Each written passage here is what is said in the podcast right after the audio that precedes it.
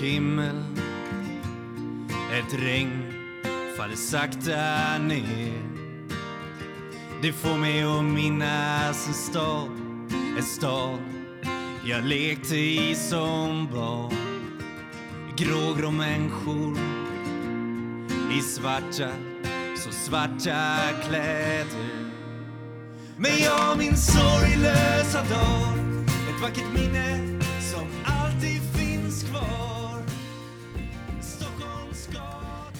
Hej och välkomna till Beroendepodden avsnitt 67. Välkommen till dig som lyssnar för första gången och välkommen tillbaka till er andra. Det här är en podcast om alla olika sorters beroende, missbruk, medberoende och psykisk ohälsa. Och jag som driver podden heter Anneli och är eh, själv en beroende människa. Min huvuddrog är alkohol. Jag har varit nykter i tio år och eh, vill man veta mer om mig så kan man ju dels eh, boka upp mig som föreläsare eller så kan man lyssna på avsnitt 1. Jag vill börja med att tacka för alla som kom och deltog på Flatenloppet som var förra helgen. Eh, verkligen, vilken lyckad dag. Och självklart hade vi sol som vanligt. Det blåste en hel del men det var en fantastisk dag. Och eh, vi hade sångaren eh, Erik Bring som ni hör i början på varje poddavsnitt och i slutet på varje poddavsnitt. Han var där och spelade. Eh, ja, verkligen. Tack så jättemycket alla ni som kom och gjorde den, den dagen helt fantastisk. Nu håller vi på att planera inför nästa år och eh, jag hoppas att ni som inte kom då kanske kan komma eh, nästa år istället. Så. Som sagt, eh, går man in på hemsidan så finns det en flik som heter Hjälp att få. Om man känner att man själv behöver stöd och hjälp så finns det olika länkar till olika ställen som man kan vända sig. Så kolla in hemsidan och där finns även min mailadress ifall man vill komma i kontakt med mig. Från i sommar så har ju Beroendepodden blivit en del av ett Arvsfonden-projekt. Och det betyder att från i sommar så erbjuder vi er lyssnare lite olika aktiviteter och grupper. Eh, vi håller på att fixa ordning hemsidorna just nu och så, men vi har redan dragit igång Running for Serenity som är en gå och löpgrupp för alla som vill. Eh, och vi erbjuder som sagt att man kan komma och gå, man kan gå och jogga och man kan springa. Eh, vi har också olika kurser sorgbearbetning. Vi har dragit igång eh, höstens kurs så den är redan full och igång men vi kommer sätta upp nya sådana kurser där jag är handledare och eh, vill man veta mer om det så kan man läsa på hemsidan. Eh, jag håller även individuellt i sorgbearbetning också ifall man känner att man har stort behov av det så kan man kontakta mig. Eh, idag är inte min medarbetare Annika med, men Annika träffar ni eh, på sociala medier, Instagram och Facebook. Eh, skriver man till oss där så är det ofta hon som svarar, det är hon som håller på med Instagram-biten. Och som ni då hör så finns vi på Instagram och Facebook, så sprid gärna podden vidare på de sociala medierna så att fler hittar hit eh, och kan lyssna på podden. Eh, Ja, för vad vore jag utan er lyssnare och utan mina fantastiska gäster jag har med i podden? Det skulle inte vara någon podd utan er. Eh, så. Och dagens gäst, det är lite kul för att varken jag eller Annika är med i dagens intervju. Eh, jag skulle väl kanske inte kalla det en intervju då riktigt för att ingen är med och ställer frågor. Men det är en fantastisk poddlyssnare till eh, eh, Beroendepodden som eh, berättar sin historia och han befinner sig eh, inte i Sverige så därför så har vi gjort det på detta sätt och vi har, jag hoppas verkligen att ni uppskattar dagens avsnitt. Eh, jag tycker det är ett jättebra avsnitt och eh, önskar er alla en god lyssning och en fortsatt bra dag. Ba, ba, da,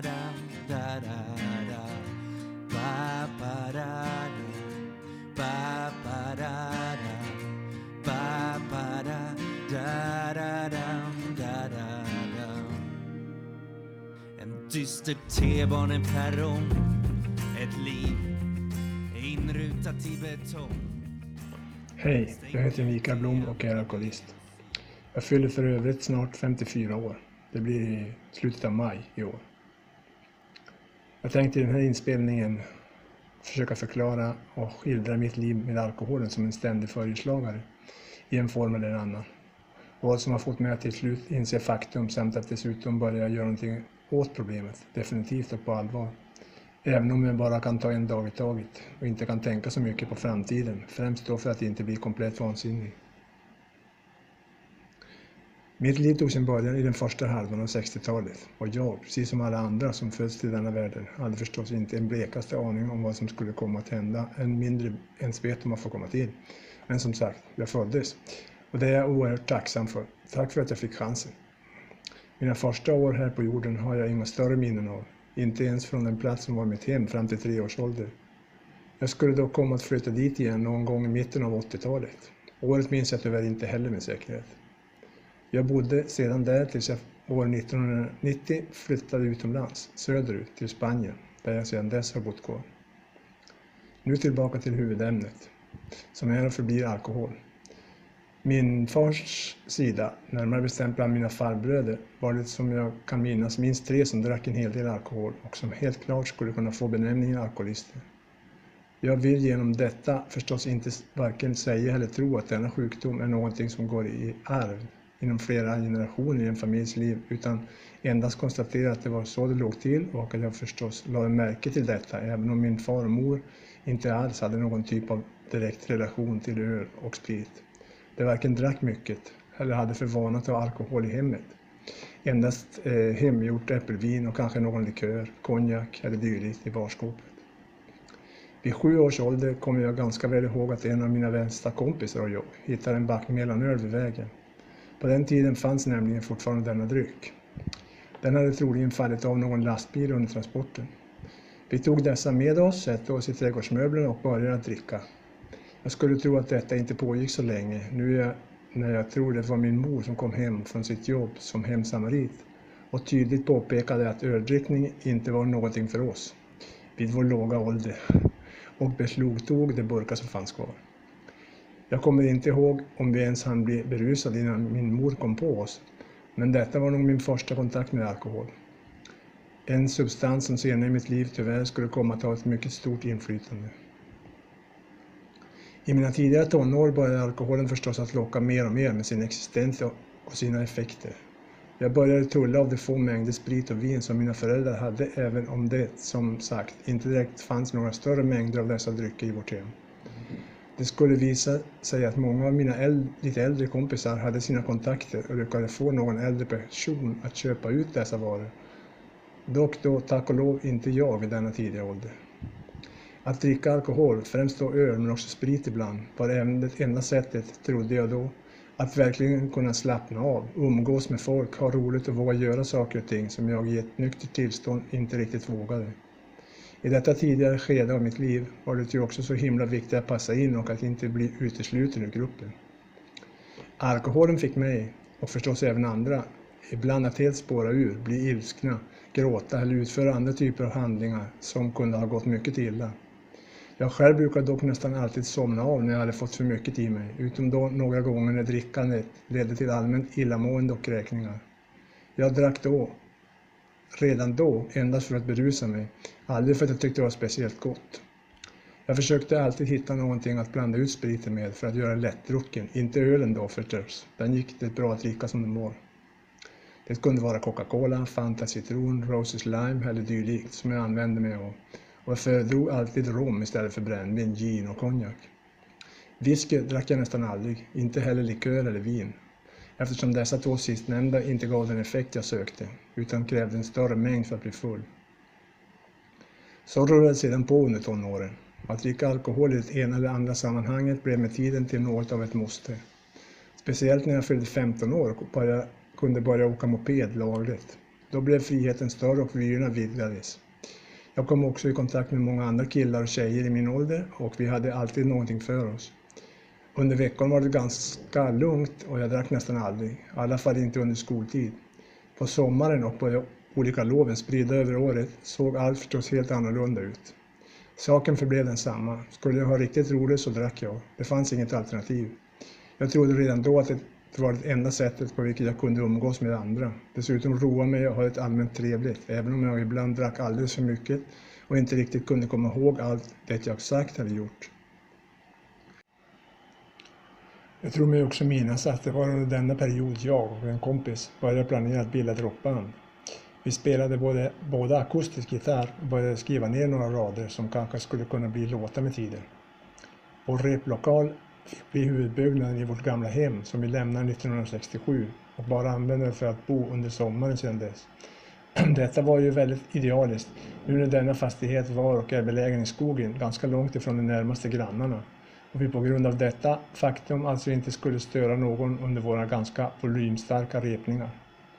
Våra repningar brukade vara nyktra tillställningar, men lokalen användes också under höst, vår och vinter för andra ändamål som nästan uteslutande var fester med mängder av alkohol. Alla drack, men jag var ofta den som drack mest redan då. Ja, jag kanske inte drack mest, men blev oftast fullast. Det var också under denna period som jag först kom i kontakt med och rökte cannabis, endast då marijuana, inte hash och bara vid ett par tillfällen. Saken är också den att jag alltid har varit en mycket blyg och tillbakadragen person med mycket låg självkänsla och nästan helt utan självförtroende. Alkoholen gjorde att jag kände mig starkare och, och vågade uttrycka mig på ett helt annat sätt. Enligt min tro och tycke på den tiden också positivt och rätt. Även om jag förstås visste att det, det bara var någonting artificiellt och temporärt så länge berusning, eller rättare sagt fyllan, varade. När mängden blev för stor bör det också tilläggas att jag ofta somnade och missade allt det roliga, som i alla fall jag trodde att vi hade. Förstås inte alls verkligheten utan endast min uppfattning av det hela. Med tiden blev jag sedan då myndig, alltså 18 år gammal, fick rösträtt, körkort och kunde beställa in alkohol både på fest och lokal. Detta faktum ledde till att vyerna vidgades ännu mer än med mopeden. Jag började besöka en närliggande stad på dans och diskotek. Jag var aldrig nykter, utom då när jag körde och då gick jag inte ens in på haken. Vi turade för övrigt alltid om. En här körde jag och den andra drack jag. Så var det nästan alltid, utom då när vi vid något enstaka tillfälle tog en vit helg.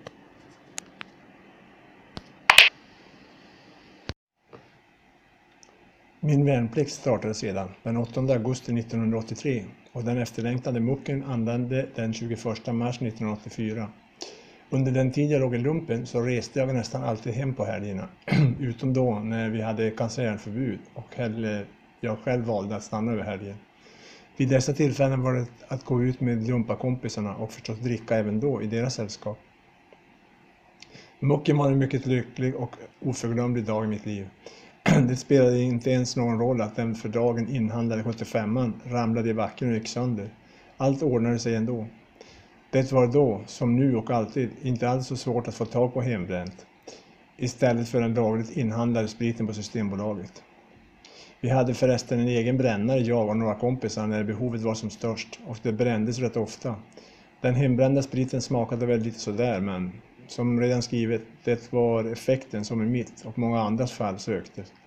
Och då spelade förstås smaken ingen större roll. Året efter, alltså 1985, gick min första riktiga utlandsresa av stapeln.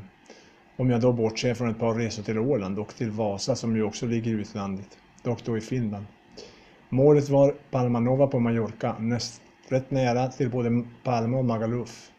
Det var min bästa kompis, en kompis ur bandet, en före detta flickväns bror och jag som reste. Jag minns att vi hade det väldigt roligt på denna resa. Många av minnena är tyvärr baserade eh, i fotografierna som vi tog under resan och inte kanske så mycket av mina egna och direkta minnen. Som alltid blev det ju förstås en ganska ihärdigt drickande under resan, men vi var dock med på lite av varje. Tror jag minns att det blev till exempel en rund buss, besök av en grotta, en grisfest, en medeltidsfest med tillhörande riddarturnering med mera. Följande år, i september, var det dags igen. Då var målet Benidorm vid Spaniens medelhavskust i närheten av Alicante. Denna gång i sällskap med min bästa kompis igen och två andra gemensamma kompisar. Även de klasskompisar tillbaka i tiden. Denna resa var mycket trevlig. Vi gjorde en hel del kul, bortsett från att vara berusade i stort sett hela tiden. Vi var iväg till en likörfabrik med för tillfället hyrda jeepar. Där blev det en hel del provsmakning. Vi köpte med oss ett par flaskor Moskatellvin som vi glatt delade på under färden. En av oss var förstås nykter och körde hela tiden. Vi var också till en gokartsbana där vi körde många varv och hade det kul. Jag fick till och med skavsår av den mycket obekväma sitsen i karten. Sedan minns jag att vi besökte en avlägsen strand helt utan den vanliga folksamling och trängsel vi var vana vid vid själva Benidorm. Där hade reseledarna ordnat med diverse lekar, bättre skrivit tävlingar i gymkana-stil. Det blev jobbigt med allt springande och hojtande i sanden, men vi hade ju havet att svalka oss i. Touroperatören hade också en tävling för oss turister en gång i veckan som gick under namnet Veckans Rambo. Jag tror jag minns att den var uppdelad i tre delar, men jag kommer tyvärr bara ihåg två av dessa. Dessa var att så snabbt som möjligt dra i sig en liter öl med hjälp av ett sugrör och att spela luftgitarr. Jag tror faktiskt att jag lyckades vinna tävlingen, men är dock inte helt säker. Jag kanske borde fråga mitt resesällskap gällande detta, men det är mycket troligt att även deras minne brister i säkerhet. Saken är den att allt gick ju ut på att dricka under denna och för övrigt alla resorna vi gjorde på den tiden.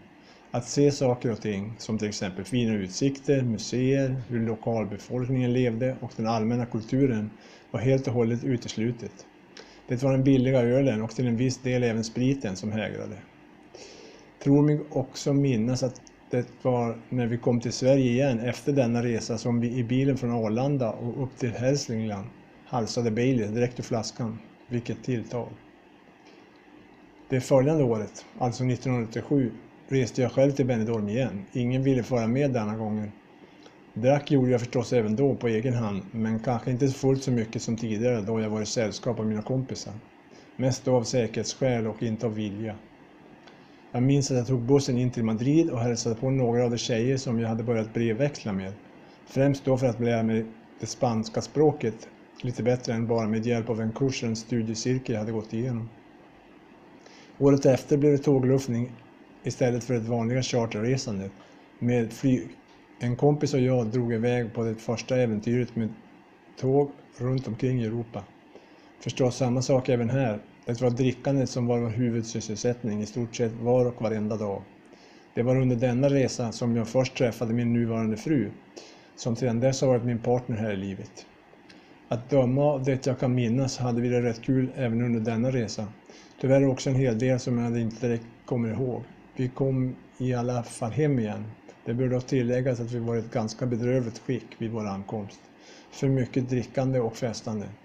Inte undra på att vi blev utan pengar. 1989 gjordes tågluffningen om. Denna gång reste jag själv men jag träffade redan på tåget ner till Hamburg två Stockholmskillar som blev mitt resesällskap. De hade för avsikt att besöka Jugoslavien, som då fortfarande existerade som land. Så jag bestämde att haka på dem dit på ett villkor, att de sedan följde med mig till Spanien och förstås, som förstås också igen var mitt resmål. Vi kom till slut till Madrid där vi uppehöll oss, uppehöll oss några dagar, där jag givetvis passade på att träffa min tjej innan resan fortsatte söderut. Först till Almeria och sedan till Torremolinos. Under denna resa tillsammans med dessa två nyvunna vänner blev det också mycket alkohol. Alldeles på tok för mycket vid flera tillfällen, med minnesluckor och ångerkänslor som resultat. Det är så mycket av det vi gjorde som jag inte har en aning om på grund av den nästan ständiga berusningen. Kan dock erinra mig en del genom de fotografier som togs. Så här i efterhand är det inte utan att det är svårt att förstå varför vi drack så himla mycket, både under charterresorna och tågluffningarna. Jag menar, vi fick ju inte ut så mycket av alla de länder vi besökte. Allt blev liksom detsamma.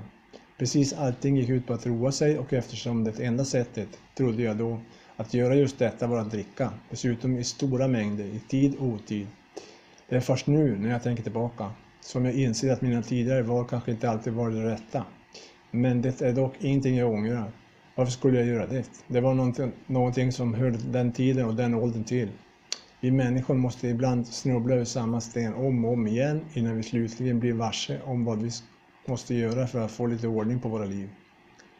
I mitt fall har det tagit en hel del tid och jag har vid ett flertal tillfällen trott att min relation med alkoholen inte var något problem, samt förstås ansett att jag inte var någon alkoholist. Nu är det ett annat. Jag vet numera mycket väl att så är fallet. Jag är en alkoholist och kan helt enkelt inte dricka alkohol.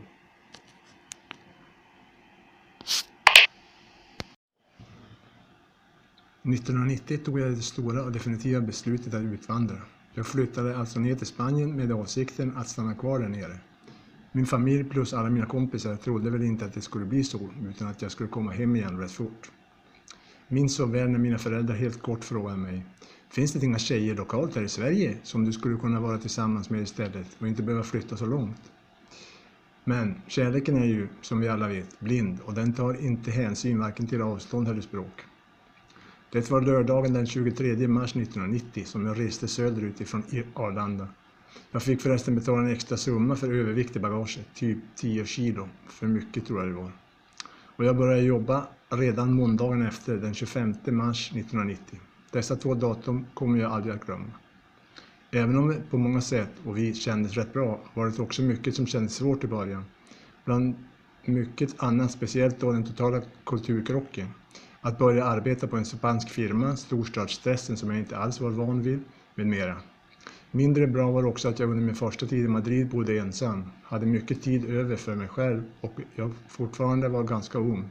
Jag var inte ens 26 år fyllda hade mindre erfarenhet i vissa faktorer av livet och inte alls övervägde mina beslut på samma sätt som nu för tiden. Jag trodde och ville liksom leva livet maximalt. Detta ledde ofta, ja nästan dagligen, till att jag drack alkohol och jag var ute på vift på, på nätterna. Besökte barer både under dag och nattetid, främst då en bar som hette Bar Stockholm och var styrd av några svenska killar. Träffade mycket folk som kanske inte var det bästa att umgås med och så vidare. Det jag oftast drack var öl, men även en hel del shots, som på den tiden och så även nu var väldigt populärt. Det var också under den, dessa första år här i Spanien som jag började dricka även på morgonen innan jag gick till jobbet. Det brukade då alltid bli ett eller två glas anislikör till kaffet. Priset på alkohol i Spanien var ju också som hittat och det gjorde ju inte direkt saken bättre. Ofta blev det också ett par glas likör på lunchrasten. En gång nattetid minns jag att jag provade kokain dess effekter minns jag, missade jag dock helt och hållet på grund av min vid tillfället mycket grova berusning av alkohol. Jag tror också att denna period var en blandning av oro och kanske även lite rädsla inför det som framtiden kunde innebära. Det vill säga att vara bosatt i ett främmande land, inte helt kunna språket, inte ha mina dokument i ordning med mera. Det hör saken till att i Spanien, kanske speciellt då förr, går det inte för sig att bo tillsammans innan man gifter sig. Det var så även i vårt fall. Min tjej var bara med mig under helgen och sov endast vid något enstaka tillfälle över hos mig. Till en början var, var väl till synes inte alkoholen något, något större problem, men min tjej märkte så småningom att jag drack alldeles för mycket och för ofta. Ett drickande som förstås bidrog till stor del vad som inträffade under mina första år i Spanien. Denna period vore det väl kanske bäst att helt försöka glömma, men det vill jag nu trots allt inte göra och det är därför jag berättar här. Jag känner nämligen att jag måste damma av och öppet berätta om denna mycket mörka period i mitt nu medelåldriga liv. Själva storyn är den att jag under 90-talet hade stora problem med spriten. Jag tror att själva grunden till detta beteende redan hade lagts tillbaks på 80-talet i Sverige och speciellt då under mina resor till Spanien under samma årtionde. Jag förknippade nämligen Spanien med krökandet på något förvridet sätt och kanske rent av trodde att jag kunde fortsätta på samma sätt som, jag, som om jag vore på semester i ett land där jag nu bodde, levde och arbetade. Självklart så var det inte alls fallet. Den läxan fick jag verkligen lära mig. Drickandet gick alltså över i ett beroende, vilket blev mer och mer utökat och tiderna på dygnet spelade liksom ingen som helst roll längre. Jag drack på morgonen, vid lunch, under eftermiddagen på kvällen och speciellt under nätterna. Själva felet var att detta utspelas under veckorna, det vill säga från måndag till fredag, istället för under helgerna som ju kanske kunde ha varit lite mer normalt och kunde liksom inte alls kontrolleras längre. Genom detta så började, som det är enkelt att förstå, vissa problem att uppstå på mitt arbete med familjen. Då var vi som tur var bara två. Dottern hade inte kommit till världen ännu. Hon föddes nämligen inte förrän 1998 och i största allmänhet. Det var också här som jag fick antabus utskrivet efter ett besök hos psykiatriker. Det hjälpte inte det heller. Jag brukade byta ut vätskan i anti antabuspreparatet mot vatten för att kunna fortsätta dricka. Måste här verkligen passa på att tacka oerhört mycket min fru och även en före detta arbetskamrat och hans bror för allt stöd och försök till förstående under denna tid. Ett tack även till AA, även om deras tolvstegsprogram aldrig riktigt föll mig i smaken. varken då eller på senare tid då jag försökte återuppta min terapi hos dem. En alltför pseudoreligiös anda för mig, fast det enda som riktigt hjälper för att kunna ta sig ut ur en situation som denna är att själv inse att man verkligen har ett problem. Den sista gången jag, tillbaka på 90-talet, fullständigt tappade kontrollen på grund av mitt drickande var nämligen den 8 september år 2000. Det var den första gången jag beslöt mig för att sluta dricka alkohol, i alla fall lokalt här i Spanien. Det jag då bestämde mig för var, för mycket, var mycket oseriös från min sida och speciellt då med tanke på min bakgrund och mina tidigare erfarenheter ett ytterst olämpligt beslut som med tiden skulle visa sig vara fullkomligt felaktigt. Jag trodde och tänkte då att jag, utan några som helst problem, skulle kunna klara av att dricka under mina, under mina nästan årliga resor till Sverige och aldrig under mitt vanliga liv och vardag här nere i Spanien. Vilket jag då också gjorde från år 2000 fram till år 2010. Utom då de få gånger som min fru och dotter var med på resan. Det var 2001, 2004, 2007. Det var samma år, alltså 2010.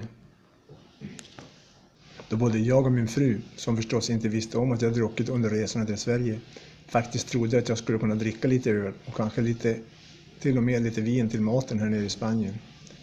Men icke sa Nicke, det gick förstås inte alls. Det bör här också nämnas att när jag var på Rammstein första gången här i Madrid år 2009 så drack jag också en hel del. Det är nämligen sant, det vi numera nyktra alkoholister säger. Och tidigare också borde ha sagt, sant förstått. En gång alkoholist, alltid alkoholist. Saken är den att de mängder alkohol jag drack under mina resor till Sverige bara blev större och större för varje år som gick. Jag började dricka öl redan på tunnelbanan eller pendeltåget ut till flygplatsen här i Madrid innan avresorna. Fortsatte sedan på flygplatsen och förstås även senare under själva flyget. En gång på plats i ursprungslandet så kretsade också det mesta tyvärr om att dricka.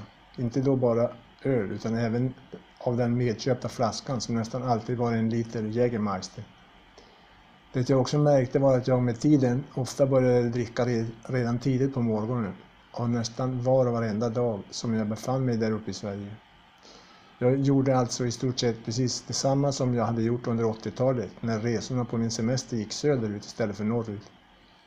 Dock då till skillnad, oftast i all ensamhet, nu när min svenska familj och alla mina kompisar där uppe förstås jobbade under veckorna och för den delen aldrig ens brukade dricka under veckorna. Det var något av ett dubbelliv som jag under många år levde. Det enda jag såg fram emot den större delen av tiden var mina resor till Sverige, då jag visste att jag kunde dricka på samma sätt som jag tidigare alltid hade gjort. Ofta till och med i större mängd och oftare. Under den första halvan av mitt liv. Detta rikliga drickande ledde förstås med tiden till att jag också här nere på nytt efter tio års uppehåll började dricka alkohol igen när jag var själv och hade möjlighet. I smyg och förstås utan att varken chefer, arbetskamrater eller familj kunde bli varse. Speciellt då på de konserter jag besökte de senaste åren, från 2011 och framåt. Dessa inleddes alltid med att jag köpte minst ett par liter öl, Mao Classica på flaska, och drack dessa på vägen till och innan konserten tog sin början. För att sedan under denna ofta inhandla ett par Mini till. Mini innebär öl på kran i ett liters glas av plast. Jag började också att spendera lunchrasten till att dricka öl. Först en tid på industriområdets all, olika varor, alltid utom räckhåll från firman.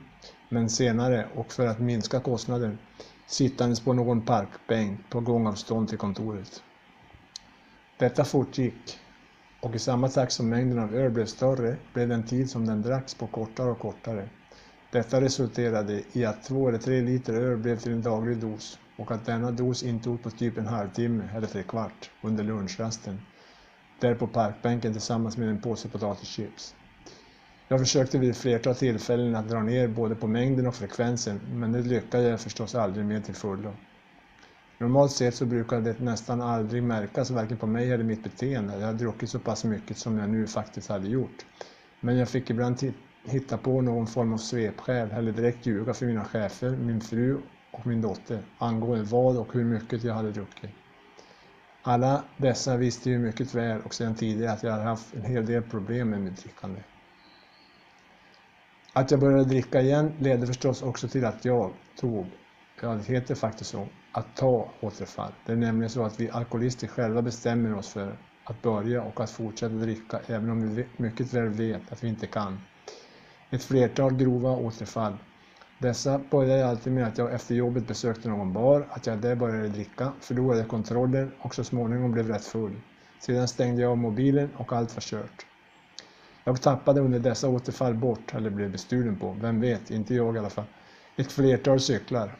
Under dessa återfall, när jag ofta inte kom hem förrän någon gång fram på småtimmarna eller dagen efter, vet jag inte exakt var jag befann mig eller ens vad jag gjorde på grund av allt, de allt oftare förekommande minnesluckorna, som också i sig är tydliga bevis på att det, det existerar ett alkoholproblem. De enda minnen jag har av dessa sista episoder är mycket svaga, oklara och inte på något vis alls sammanhängande. Faktum är att det är något av ett under att jag alltid har klarat mig undan, något som är helskillnad, utan att jag blivit bestulen, gjort mig allvarligt illa, blivit misshandlad, blivit tagen av polisen och eller hamnat på sjukhus med tanke på ett tillstånd jag måste ha befunnit mig i vid fler än ett tillfälle. Jag har heller aldrig tappat bort vare sig min plånbok, mina kläder, min, mina kredit och bankkort, mitt körkort eller mitt uppehållstillstånd. Det jag däremot alltid kommer att ångra och dessutom aldrig kan göra ogjort eller gottgöra för är alla de nätter och ibland dagar som jag vållat lidande i min familj. Berövat dem på all sömn och på alla sätt och vis endast orsakat dem oro och fruktan om vad som kunde ha hänt eller inträffat. Jag önskar att det någon dag i framtiden kanske i alla fall ändå kan förlåta mig även om de med all säkerhet aldrig kommer att glömma det som hände. Jag förstår att ni som, som hör den här skildringen, om nu någon gör det, och aldrig i hela sitt liv har haft några som helst problem med alkohol, kanske ser allt detta som offentliga dumheter, helt befängt och endast anser att den enklaste, snabbaste och rakaste lösningen är att sluta dricka, söka hjälp eller vad det nu kan vara. Och så är det ju faktiskt.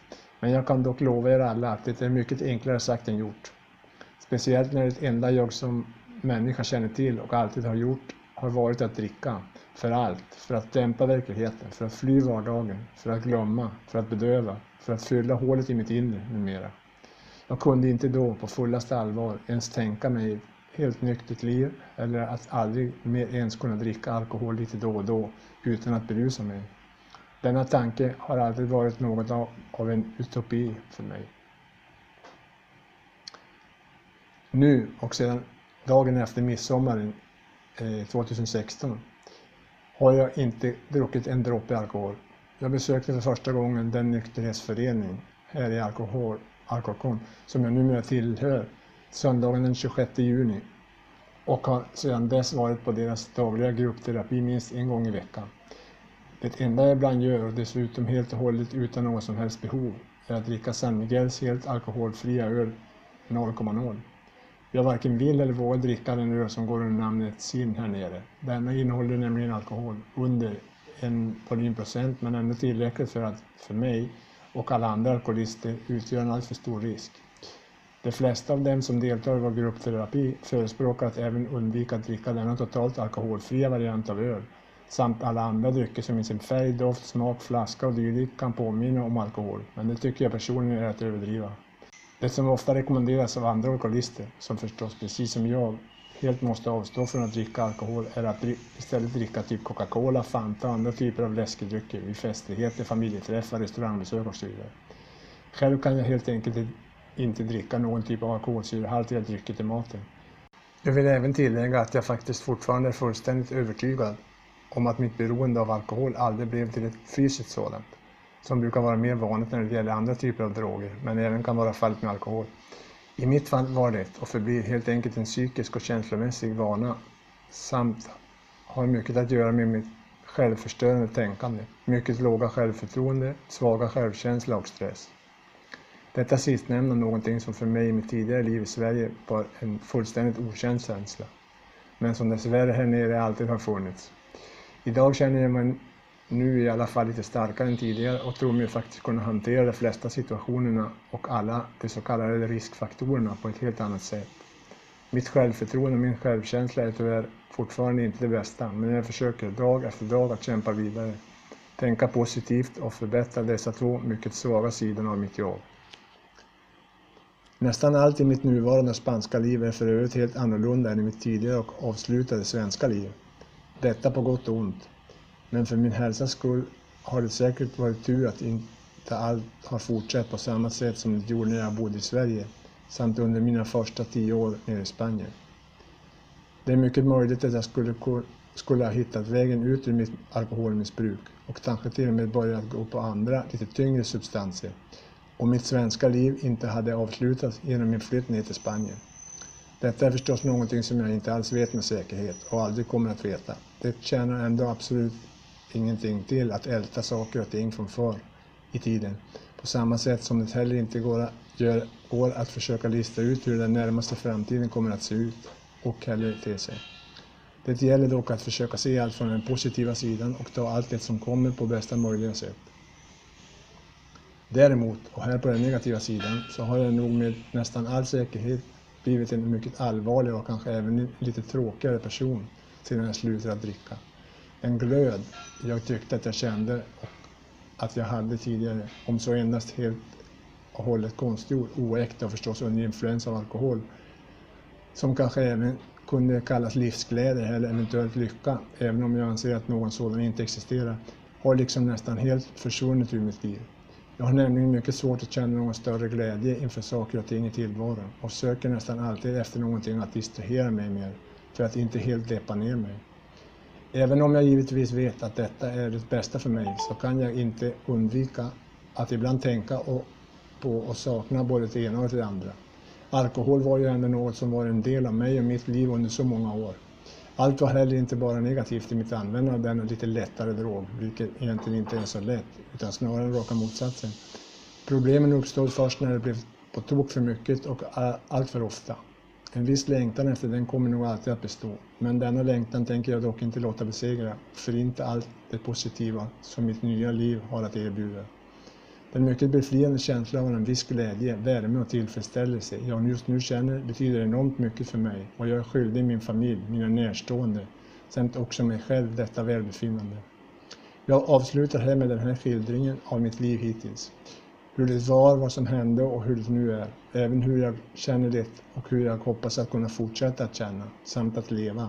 Som än idag och imorgon nykter alkoholist. Tack!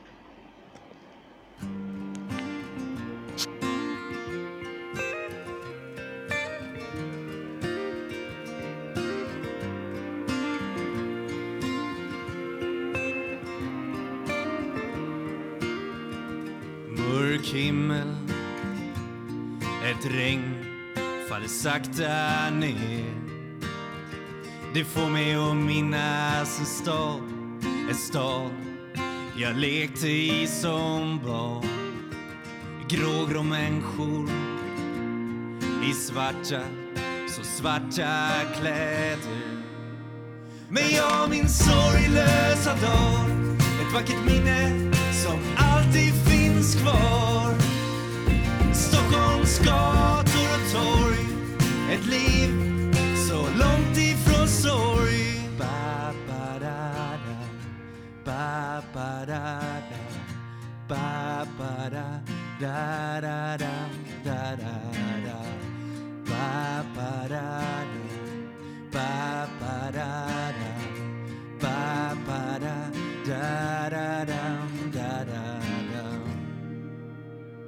En dyster T-baneperrong Ett liv inrutat i betong. Stäng ut det andra med musik. Fokusera allt på att bli rik. Här finns en dyster atmosfär. Ett liv kretsat kring karriär. Men jag min sorglösa dag. Ett vackert minne som alltid finns kvar. Stockholms gator och torg Ett liv så långt ifrån sorg. Ba ba da da. Ba ba da da. Ba ba da da da da da da.